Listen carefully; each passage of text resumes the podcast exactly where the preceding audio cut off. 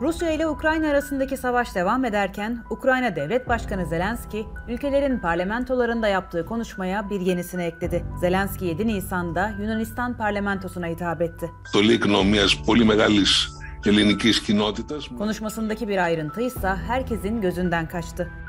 Ukrayna Devlet Başkanı Türkçe'de dostluk cemiyeti anlamına gelen Filiki Eterya örgütünü şu sözlerle övdü. Filiki Eterya burada Odessa'da kuruldu. Yunan devrimcileri dün ya bağımsızlık ya ölüm diyorlardı. Biz de bugün aynısını söylüyoruz. Tıpkı geçmişte olduğu gibi şimdi de Helenizmin merkezi olan Odessa tehdit altındadır. Bugün Yunanistan ve Ukrayna arasında da bir Filiki Eterya kurulabilir.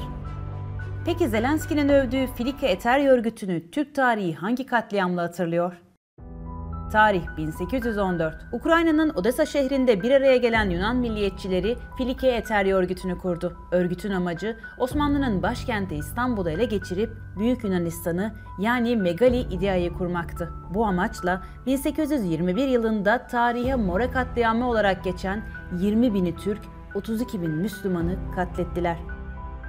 Ağustos 1821'de Yunanistan'ın Mora Yarımadası'nda bulunan Navarin şehrini ele geçiren Filiki Eterya örgütü mallarını bırakma karşılığında Türklerin canını bağışlama sözünü verdi. Ancak anlaşmayı bozan Filiki Eterya tarafı Türk katliamına başladı. Öyle ki İskoç tarihçi George Finlay katliamı şöyle anlatıyor.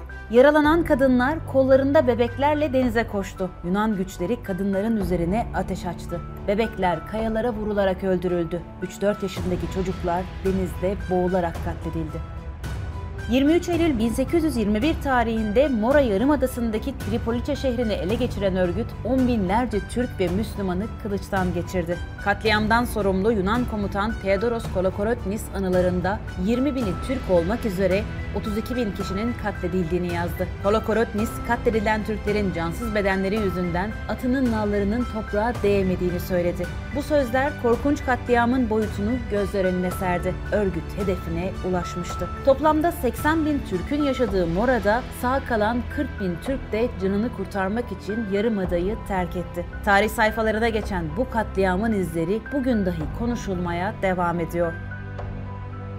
Öte yandansa Ukrayna Devlet Başkanı Zelenski'nin katliamcı Filiki Ederya örgütüne övgüler sıraladığı sözler Yunan vekiller tarafından dakikalarca alkışlandı.